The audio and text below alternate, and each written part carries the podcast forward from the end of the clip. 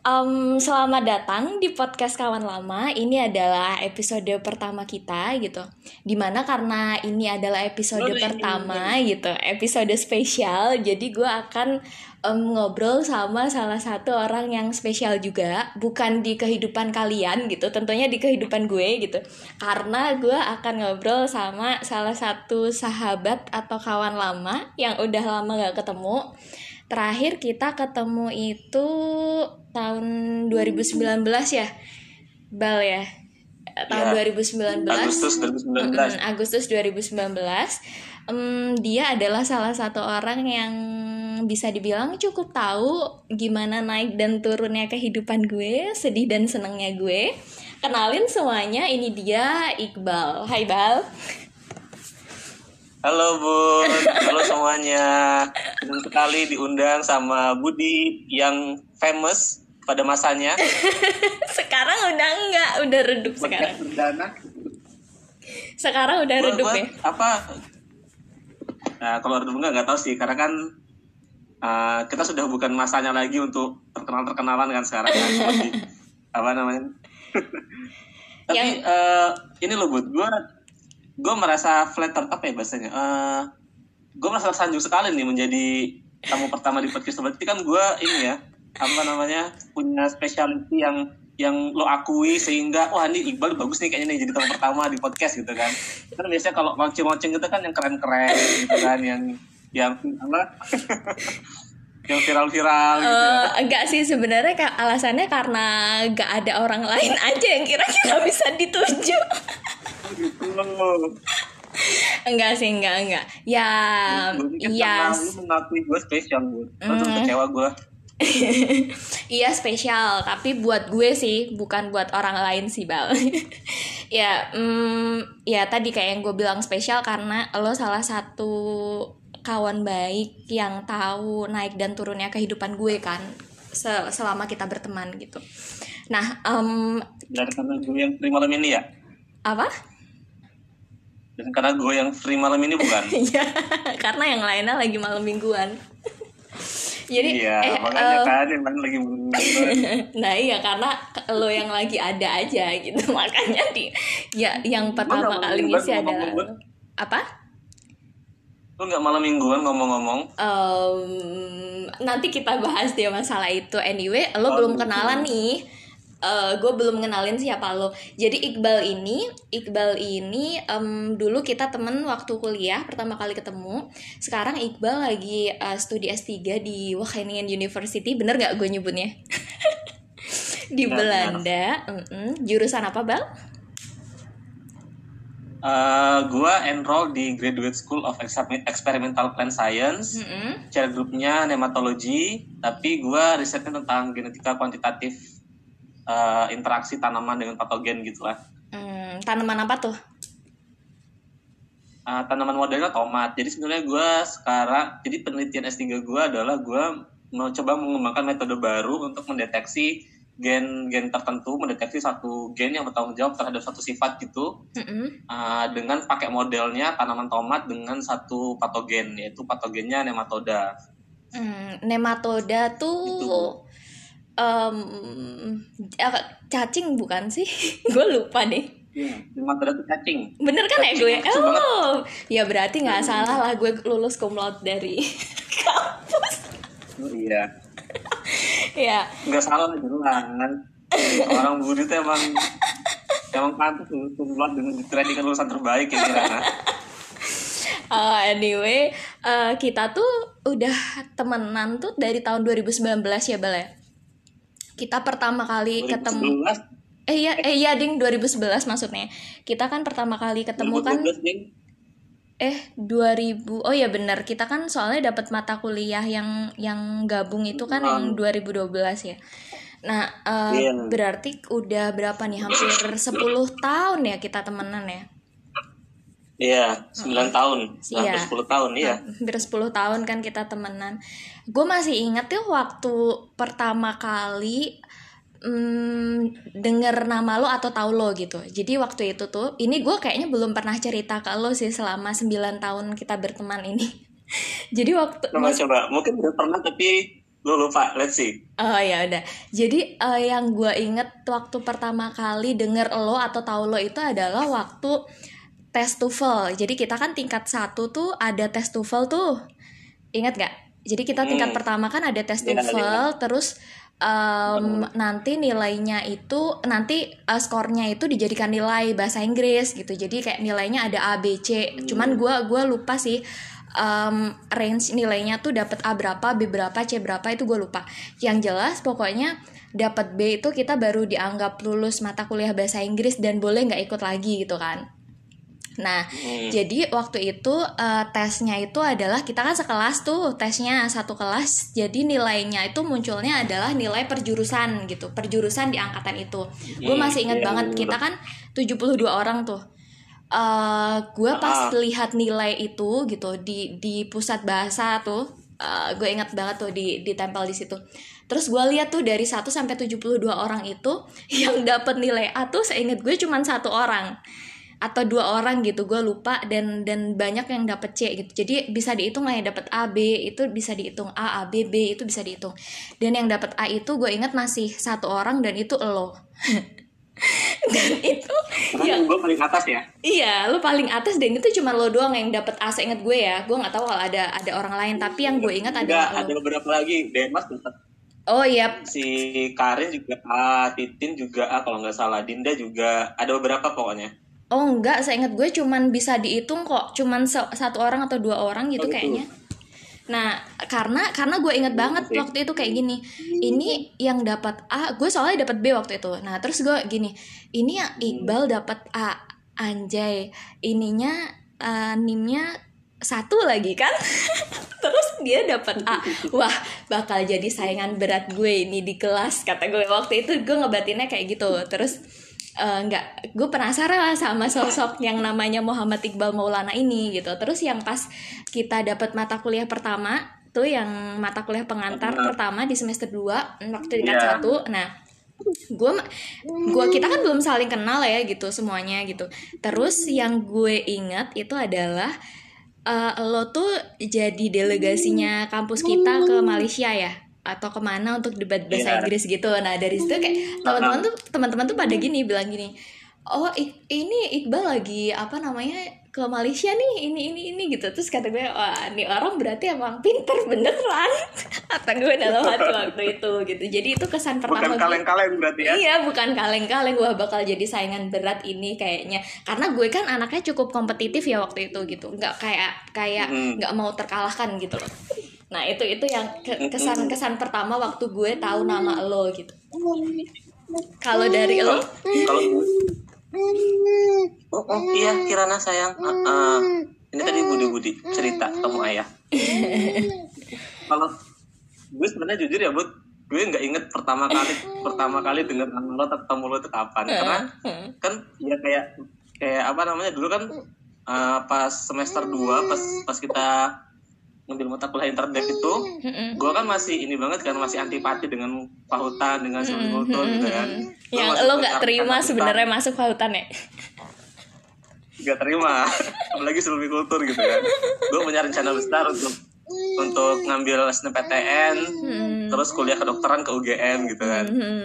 Jadi waktu itu gue sebenarnya nggak peduli dengan dengan siapa isi kelas itu gue nggak peduli. Karena gue ya udahlah ntar juga gue bakal pergi dari sini gitu. Hmm. dan makanya makanya untuk semester satu ada kumpul kultur gue nggak pernah dateng atau datang juga sebentar gitu jadi dan semester 2 juga gitu jadi sebenarnya kalau ditanya kapan pertama kali ketemu sama lu Nggak ingat. gue nggak ingat sih Mm. nggak ingat Tapi kesan pertama kali lo kenal gue?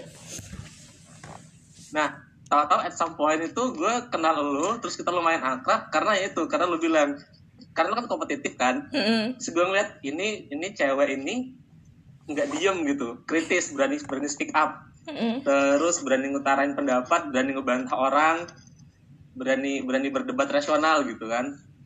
Ya itu pertama kali. Mungkin itu itu pertama kali yang yang apa ya impression gue ketika gue tahu sama lu. Walaupun gue lupa kapan gitu. Iya, gue Nah, juga juga lupa ya kapan ya.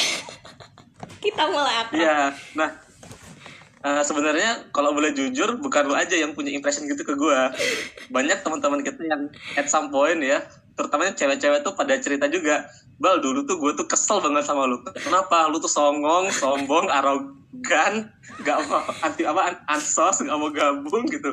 Pas awal-awal. Banyak yang bilang kayak gitu. Terus ya untuk lu pintar coba lu gak pintar gitu kan mungkin kesel aja gitu lo udah di Depok gitu, udah banyak udah gitu. udah nggak ada yang mau temenan sama lo kalau lo nggak pintar Iya, banyak banyak yang bilang-bilang kayak gitu sama gue. Tapi ya, ya dari depan kiri, gue akui emang that's the fact.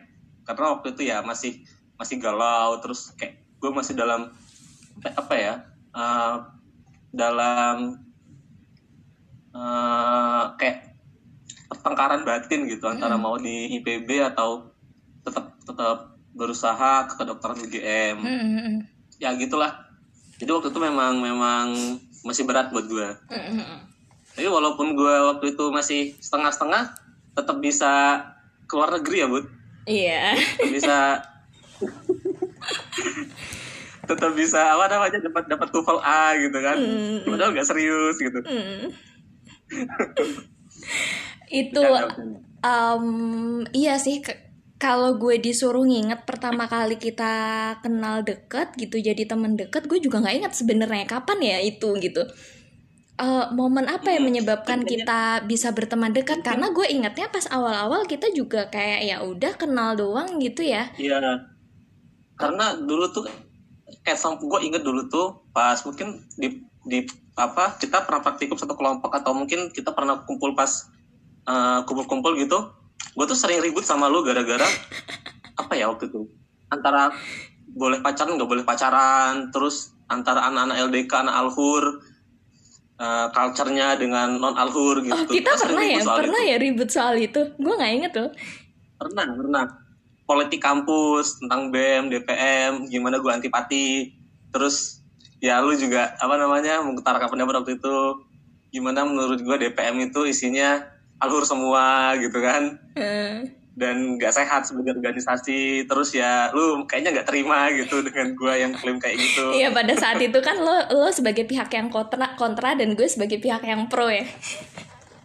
ya kita sering ribut soal itu. Dan mungkin itu itu juga salah satu yang yang bikin apa ya yang bikin gua respect sama lu sebagai respect sama lu bukan cuman sebagai teman tapi sebagai rival. Hmm, karena ya itu karena eh, ributnya itu ribut yang berbobot sama lu gitu.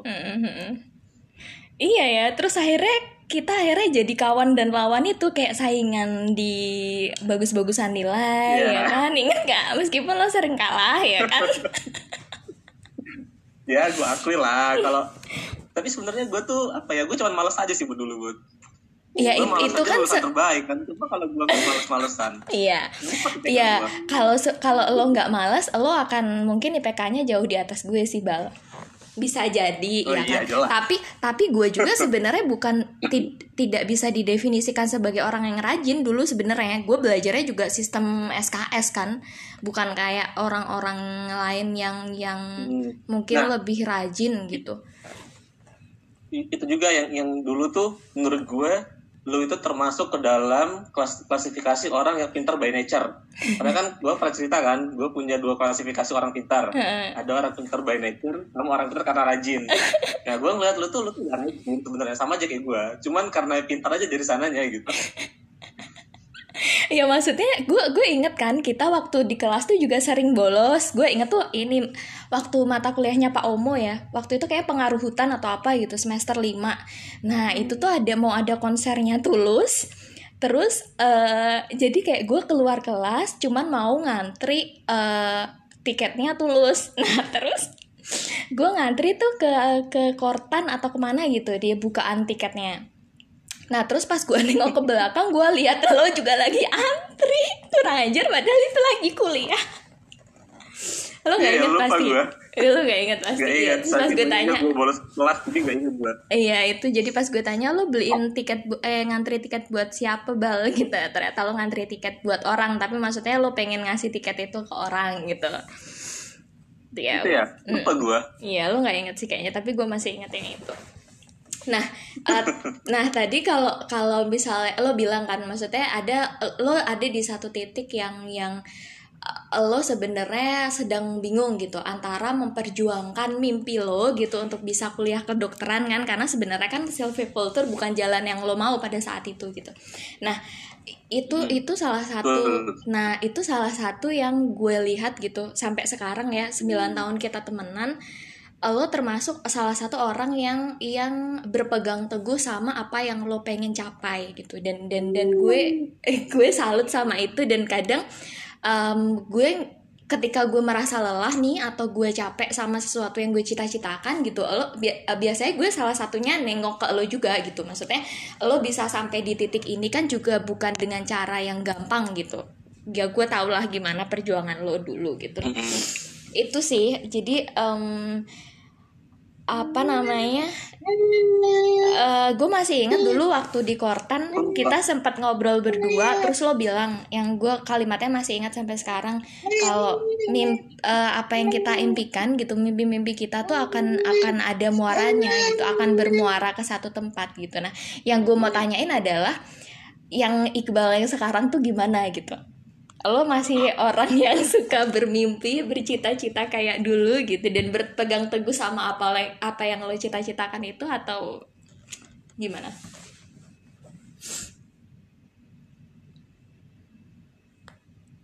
Hmm, gimana ya? Uh, kalau dibilang ya ditanya apakah gue masih punya mimpi jelas gue masih punya mimpi gitu dan menurut gue mimpi itu atau tujuan hidup lah ya kalau sekarang mungkin lebih ke tujuan hidup ya karena kan ya di usia kita sekarang kayaknya mimpi itu masih sudah sudah terlalu apa ya terlalu romantis gitu. Tujuan hidup yang ya tujuan hidup yang yang yang yang buat hidup kita tuh punya arti gitu. Kayak misalnya sekarang ya tujuan gue adalah gue pengen selesai S3 kemudian nyari posisi di Indonesia untuk meneliti ngajar gue pengen jadi profesor dan ya pengen berkontribusi untuk berkontribusi untuk bangsa dan negara untuk masyarakat luas gitu dan apa ya? Dan iya gue selalu gue juga selalu percaya bahwa uh, yang namanya mimpi itu akan selalu menemukan jalannya kayak kayak gue yang kayak lu bilang tadi. Dan menemukan di sini itu adalah kata kerja. Artinya kalau menurut gue kita akan tetap kita akan bisa sampai ke mimpi kita kalau kita bekerja. Kalau kita melakukan pekerja kita melakukan action gitu melakukan aksi.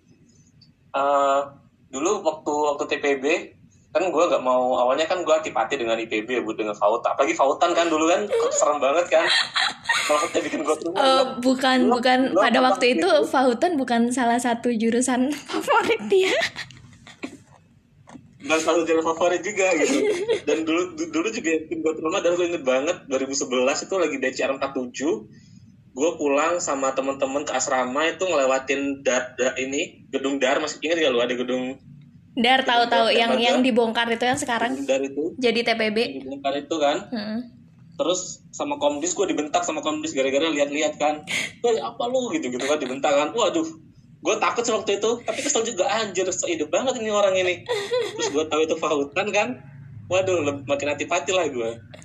Tapi waktu itu kenapa gue pada akhirnya memutuskan untuk tetap di PB untuk to give it another try karena ya waktu itu juga gue nggak diem pilihan itu diambil setelah melakukan pertimbangan yang banyak dan setelah gue apa ya melakukan aksi aksinya hmm. adalah gue berkonsultasi gue ngobrol dengan banyak orang gue ngobrol dengan Bu Alfa gue ngobrol dengan Pak Dadan gue kirim email ke Pak Dadan gue kirim email ke Pak Iskandar hmm. gue cerita uh, apa namanya Pak gue ingat banget gue kirim email ke Pak Dadan waktu itu gue cerita saya masuk silvicultur karena pilihan Tuhan gitu dan Pak Dadan waktu itu nanggepin email gue tuh dengan bijak banget gitu dengan lembut banget gitu beliau bilang uh, gue masih ingat beliau bilang adalah di silviculture juga bisa untuk menyalurkan minatnya Mas Iqbal. Kita punya di silviculture ada mata kuliah genetika hutan pemuliaan bioteknologi yang sesuai dengan minatnya. Ada juga profesor lulusan Jerman Pak Iskandar gue email Pak Iskandar.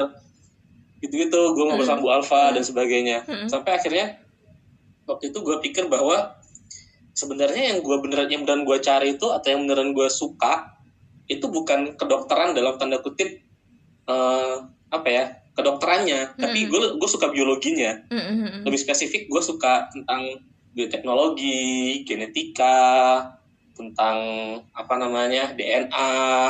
Gue suka science fiction science fiction yang kayak bikin rekayasa rekayasa genetik gitu-gitu kan terus eh dengar apa namanya setelah ngobrol dengan Pak Dadan dengan Pak Iskandar gitu ya gue oke. Kalau memang eh, di sini ada ya udah. Ngapain gue jauh-jauh ke UGM gitu? Let's give it another try here. Hmm. akhirnya waktu itu gue putusin untuk oke gue coba deh setahun lagi. Karena kan zaman kita 2000 2011 itu waktu zaman kita kan ada tiga tahun ada tiga tahun kan kesempatan kan? Hmm. kalau kita kalau kita jadi bisa bisa bisa apply SNMPTN maksimal tiga tahun setelah kita lulus dari SMA Hmm. jadi menurut gue ya udahlah. Gue coba dulu kalau emang gue nggak betah nanti gue coba lagi SNMPTN SNMPTN, SNMPTN tahun depan gitu. Hmm. ya udah akhirnya setelah gue coba lagi waktu itu kita belantara. Kita belantara. Kenangan indah yang tidak akan ingin diulang gitu. Habis itu kita masuk praktikum ya kuliah dan sebagainya.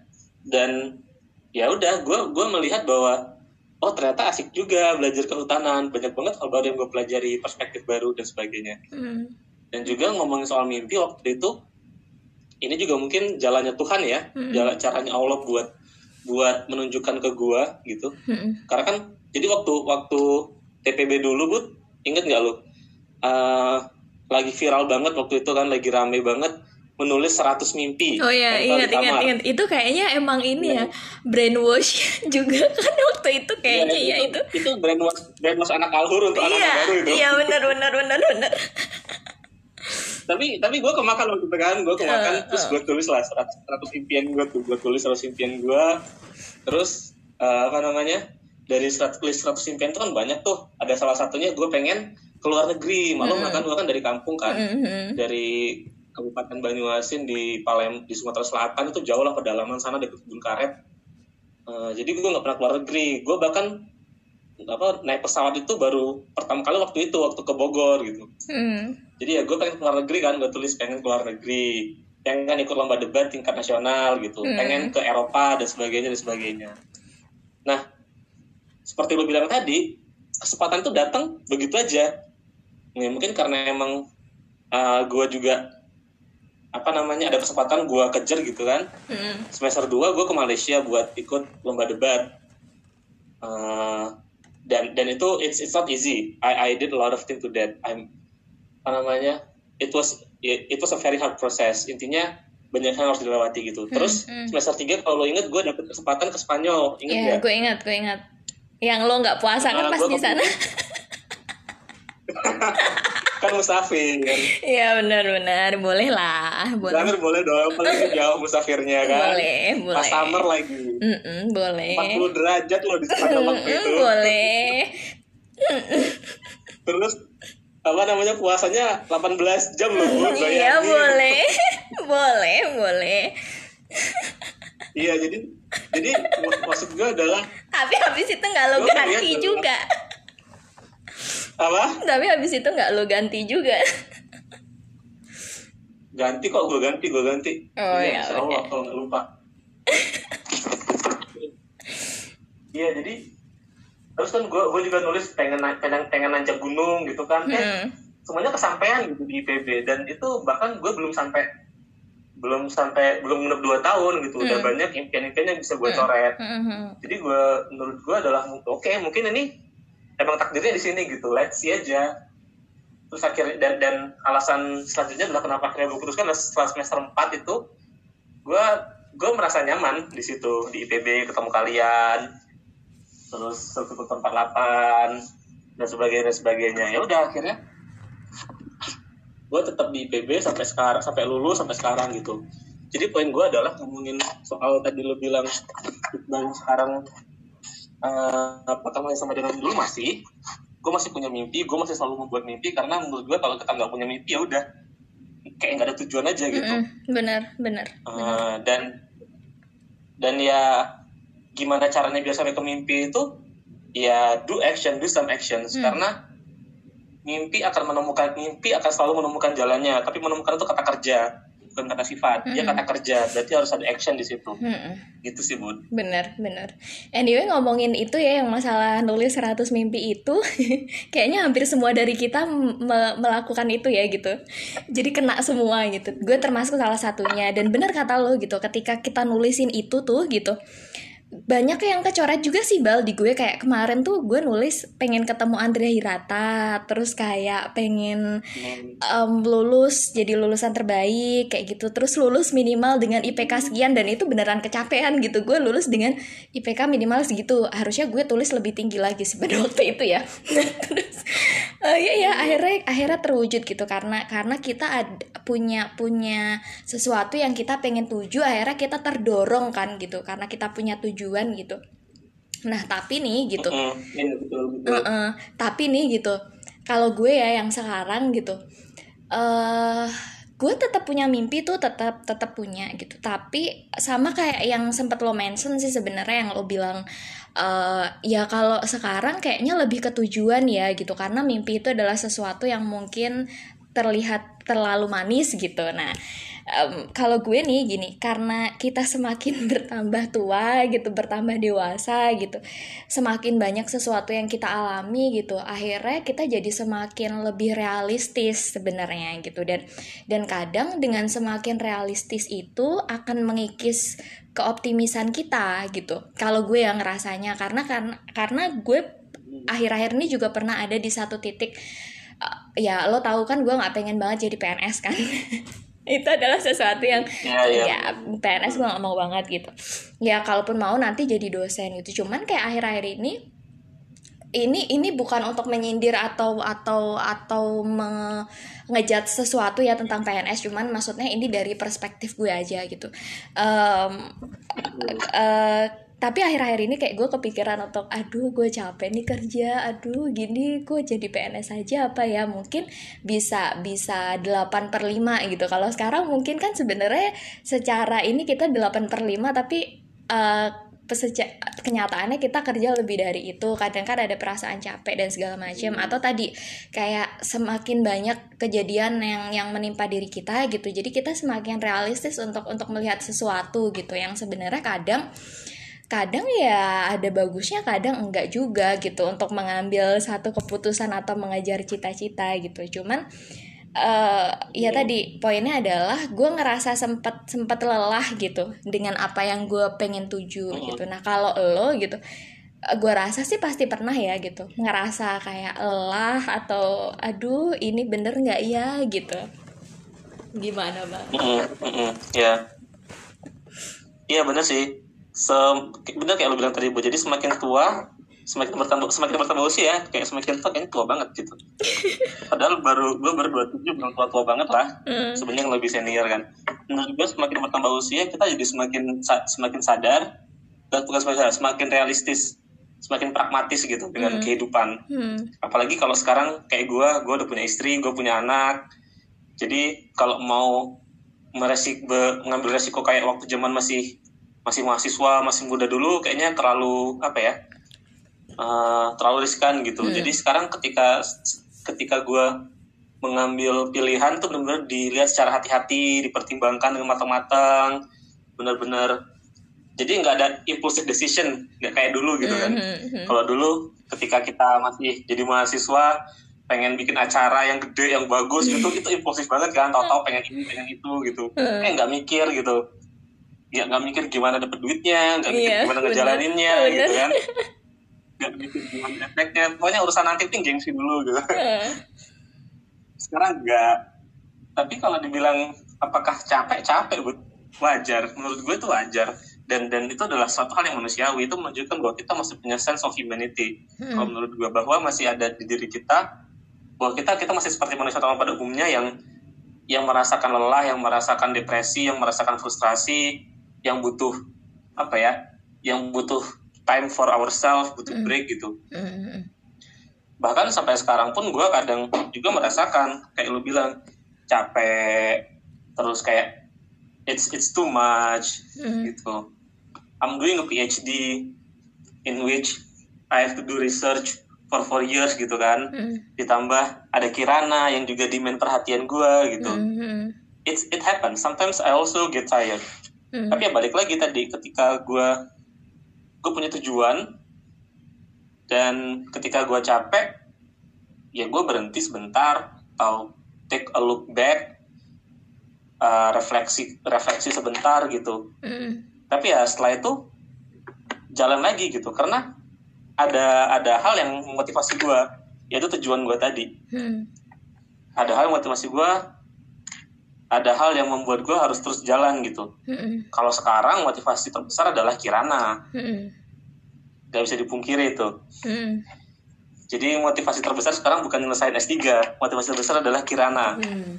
gimana caranya biar sampai ke tujuan akhir Kirana itu ya berarti ya caranya adalah pertama harus selesai S3 kalau bisa cum laude Hmm. kalau bisa papernya publish semua Hmm. dan sebagainya dan sebagainya gitu Hmm. Jadi ya it- menurut gue itu pentingnya punya punya mimpi ya atau Hmm. punya dalam tanda kutip kalau kata sekarang mungkin tujuan Hmm. punya milestone Hmm. jadi kita ketika kita dalam posisi kayak gitu capek lelah gitu ya kita ingat lagi kenapa kita udah mulai ini gitu why I started this why I'm doing this Hmm. Hmm. Oke, gue nemu sih poinnya. gitu Jadi itu sih mungkin menurut gue gue nemu sih poinnya. Jadi mungkin nih kalau gue ya gue zaman dulu gitu, em, kayak gue punya mimpi ya udah, gue karena gue pengen aja gitu. Tapi gue nggak, kadang gue nggak tahu itu alasannya apa gitu, iya kan? Em, dan karena dulu belum banyak hal yang dipertimbangkan ketika ingin mencapai itu, sama kayak lo bilang tadi gitu. Ya udah jadinya ya udah jalan aja babat aja gitu semuanya. Cuman kalau sekarang kan jadi lebih banyak pertimbangannya ketika mau mengambil sesuatu. Cuman gue dapet poinnya tadi sih akhirnya em, kayak ya lo mau melakukan itu untuk apa gitu. Jadi itu motivasinya kan sebenarnya. Ya gak sih? Kayak yang lo bilang ya lo mau lulus iya iya. lulus S3 lo selesai misalnya nanti dapat karir bagus dan sebagainya sebagainya itu karena ada motivasinya sih ada tujuannya si Kirana tadi salah satunya kan motivasi terbesar lo. Ya sama sih berarti kayak gue juga ketika gue ada di titik yang kayak gini nih gitu gue juga harus punya motivasi sebenarnya motivasi gue tuh apa gitu iya kan karena kalau kita kehilangan si motivasi itu Mhm. gitu true Nah, ya sama aja kayak kita kehilangan arah juga nggak sih akhirnya? Karena ya sama aja tadi akhirnya nggak punya tujuan tadi, si tujuan tadi yang sebenarnya. Jadi kayak kita pu- punya mimpi ya asal punya mimpi, tapi kita nggak tahu sebenarnya tujuannya buat apa gitu loh. Gitu, ya nggak sih? iya betul betul Mm-mm. dan apa ya kadang kehilangan motivasi gitu kadang juga susah nemuin motivasi dan it happens Mm-mm. kayak ke lu ke gua ke semua orang Mm. kita kita tiba-tiba nggak semangat tiba-tiba lesu gitu terus kayak nggak ada hal yang bisa ngebangun atau ngebuat kita semangat lagi Mm, gitu mm, mm, mm, it happens dan Mm-mm. it, it, it normal mm. Iya. poinnya tapi menurut gua adalah kadang kita terlalu memaksakan untuk untuk mencari motivasi itu segimana gimana gitu. Kayak Mm, mm, mm, kayak se, se apa ya ngoyo banget mencari motivasi untuk untuk jalan lagi. Mm. menurut gua ketika ada di posisi kayak gitu ya udah it's okay. Mungkin itu adalah tanda bahwa we need a break dari semua ini gitu. Mm, mm. take a time for ourselves doing what we likes melakukan yang kita senengin atau ya ya as simple as ya udah take a break aja gitu. Mm, dan dan it's fine menurut gua mm. justru dengan dan dan mungkin dengan kayak gitu kita bakal nemu lagi nantinya setelah kita take a break terus melakukan hal lain melakukan hal lain daripada selain apa yang biasa kita lakuin gitu Mm, mm. dan mungkin setelah itu kita akan nemu nemu lagi motivasi yang yang yang kita cari atau motivasi yang Mm-mm. dulu yang yang dulu uh, jadi alasan kenapa kita ngelakuin hal itu gitu Mm, mm. Dan misalnya dalam konteks uh, uh, apa ya misalnya konteks cari beasiswa ke luar Hmm. negeri gitu. Mm, mm, gagal berkali-kali udah nyoba 10 kali tapi gagal. Mm. terus tiba-tiba at some point ya udah capek gitu. Kayak gini terus. Ya udah terserah. Apa? Ya udah eh, istirahat dulu aja gitu. Mm, mm. gak harus semuanya ada jawabannya sekarang. Gak harus semuanya selesai hari ini. Mm, mm. apalagi dalam dalam konteks dalam hal yang kayak gini ya. Mm, mm. Mm, mungkin setelah setelah itu setelah kita selesai istirahat dan sebagainya kita ketemu lagi. Fresh lagi gitu. Ketemu lagi dengan kenapa kita melakukan ini di awal. Mm. kayak eh, kan gue PhD nih bud. Mm, PhD di Belanda itu gue dapat cuti berapa berapa lama coba? Gue berapa? dapat cuti dua bulan per tahun. Padahal di Indonesia cuma Nah. 14 hari ya. Dua minggu. Gue dapat cuti dua bulan per tahun dan once in a while supervisor gue tuh selalu nanya do you take any holidays? Kamu udah liburan belum? gitu gitu Mhm. kalau gue belum liburan dan menurut dia ini udah udah lama gue nggak liburan gue disuruh liburan. Ya supaya itu tadi supaya uh, menghilangkan jenuh supaya fresh lagi gitu. Dan it's fine. Ada juga di kalau di Belanda di sini karena PhD itu kan lama ya 4 tahun lima tahun gitu. Mhm. banyak orang-orang yang stres gitu. Mm-mm. orang-orang yang tertekan orang-orang yang yang kehilangan motivasi gitu. Dan dan kalau dalam kondisi kayak gitu ya udah disuruh berhenti dulu. Berhenti ambil cuti dua bulan sebulan liburan ke mana gitu. Dan it works. Setelah itu orang-orang banyak yang eh, apa namanya ya banyak yang ketika datang itu seger lagi fresh lagi siap lagi buat ngejar tujuannya gitu. Mhm. jadi ya gitu. Poinnya adalah poin gue poin gue adalah menurut gue ketika di posisi jatuh kayak gitu di bawah ya udah it's okay to stop for a while Mhm. dan dan ikuti ritme kita sendiri nggak perlu mengikuti ritme orang lain ya Hmm. Kayaknya koneksi kita sempat terputus beberapa Ya, detik, begitu. Bal. Kayaknya gue sempat kehilangan suara lo beberapa detik. Oh gitu Ya intinya intinya tadi ya kita harus harus mengikuti ritme kita sendiri Iya. bukan ritme orang lain gitu kan.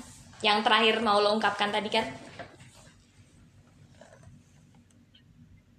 Hmm. Hmm.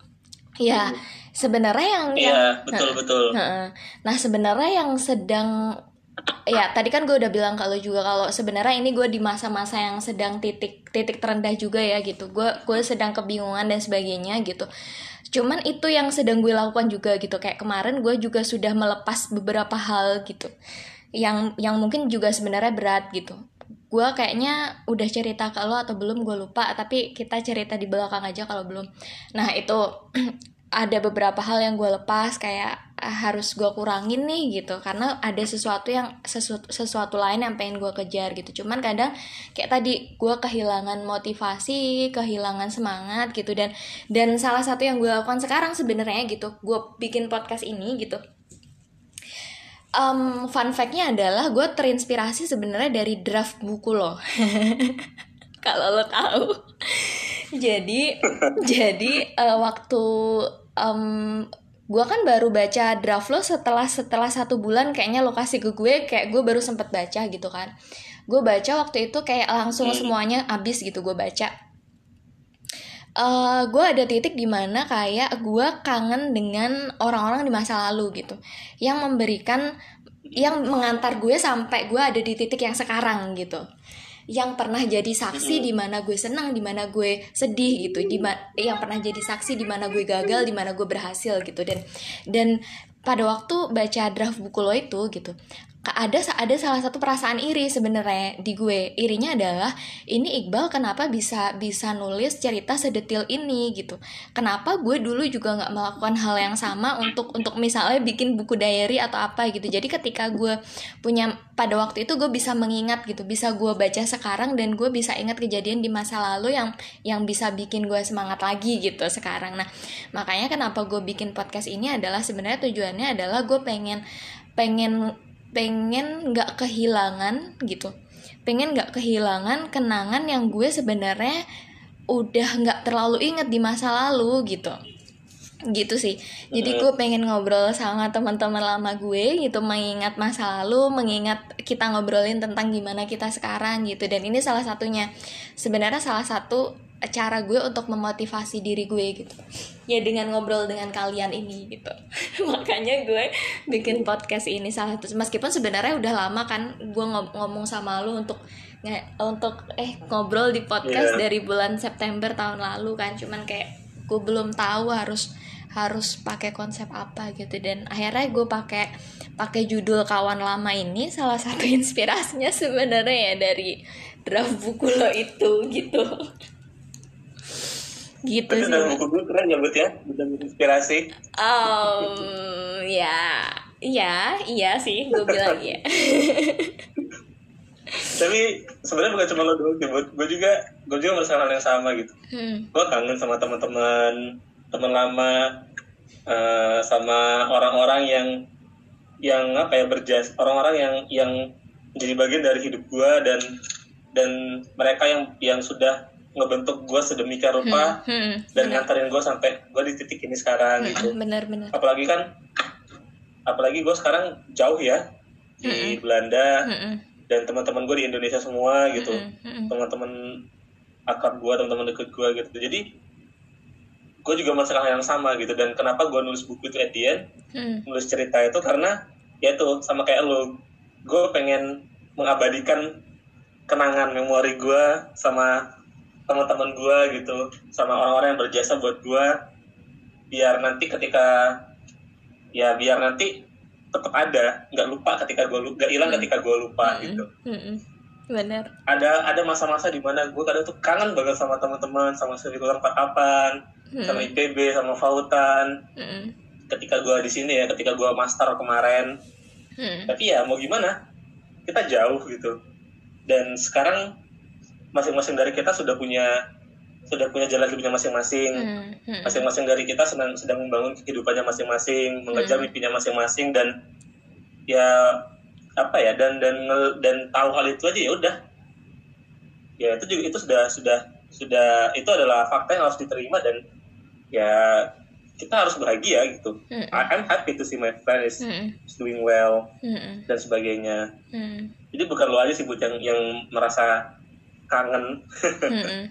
benar dengan teman-teman gue juga. Bener, jadi emang sebenarnya ya tujuan podcast ini bukan untuk menginspirasi siapa pun karena gue yakin kalau tujuannya adalah untuk menginspirasi banyak podcast di luar sana yang yang emang mungkin lebih berbobot atau lebih berkualitas gitu secara isi gitu. Cuman cuman gitu tadi gue punya tujuan lain gitu. Jadi gue pengen mengenalkan nih gitu kepada orang banyak bahwa gue punya orang-orang ini loh di kehidupan gue yang bisa ngeba yang yang punya arti gitu yang yang membawa gue sampai ada sampai sekarang gitu. Ya orang-orang yang ada di podcast ini gitu tujuannya itu sih sebenarnya bal. Dan dan nanti eh, ketika misalnya gue punya suami atau gue punya anak gitu ya ya mereka juga juga tahu gitu siapa siapa orang-orang yang yang mm, punya jasa di kehidupan gue gitu. Gitu sih sebenarnya gitu Iya, betul betul. Sama-sama sama. Anyway, kita ternyata udah 42 menit ngobrol. Nggak, nggak sadar nih. Lama juga. Nanti lu potong-potong aja kalau enggak. Kenapa? Nanti lu potong-potong gitu. Iya, tapi kayaknya sayang ya. Kalau dipotong-potong nggak tahu lah nanti kita lihat gimana keluarnya si podcast ini.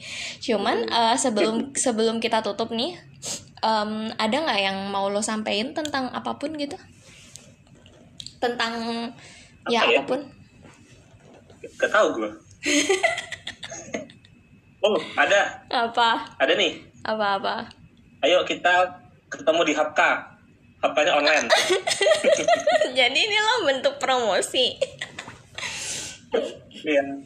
Jadi buat semua alumni kehutanan 48 IPB ya. terutama Servikutur 48 Hmm. Ya, jangan lupa ikut Hapka, daftar. Mumpung lagi online, mumpung online Hapkanya. Jadi yang di Kalimantan, yang di Sumatera, yang di mana-mana, yang di Bali dan sebagainya, nggak perlu keluarin duit banyak-banyak buat datang. Karena bisa online. Nggak bisa online. Ya benar. Gue selalu berharap, gue tuh pas Hapka tahun dua tahun yang lalu tuh gue berharap, oh Hapka tahun depan, Hapka berikutnya gue mau datang lah gitu, fisik ke Pautan. Eh ternyata nggak bisa. Eh lo inget gak sih? Kayaknya gue bakal Eh anyway lo inget gak sih yang pas kita hapka hapka kita waktu tingkat akhir itu terus kita datang di salah Oh. satu rangkaian hapka ya kalau nggak salah malah pas puncaknya terus motivasi kita datang tuh sebenarnya karena eh, souvenirnya adalah flash disk inget gak lo? Ya, nah, itu lagi waktu tahun 2015 itu lagi bencana kebakaran yang di apa yang gede banget itu kan. nah terus Nah, terus, Terus? ada acara diskusi nasional itu eh, tentang kebakaran hutan ya waktu itu ya. Hmm. tentang angkutan pembicaranya Bu Lailan Pak Ferry dan sebagainya Pak gitu. ini Pak siapa terus motivasi sih Mm-mm. Iya motivasi juga bu, ingat gak lo? Karena kankor digratisin semua, jadi Oh iya. tinggal datang makan apa aja bebas gratis itu. Itu motivasi juga terbesar itu malah.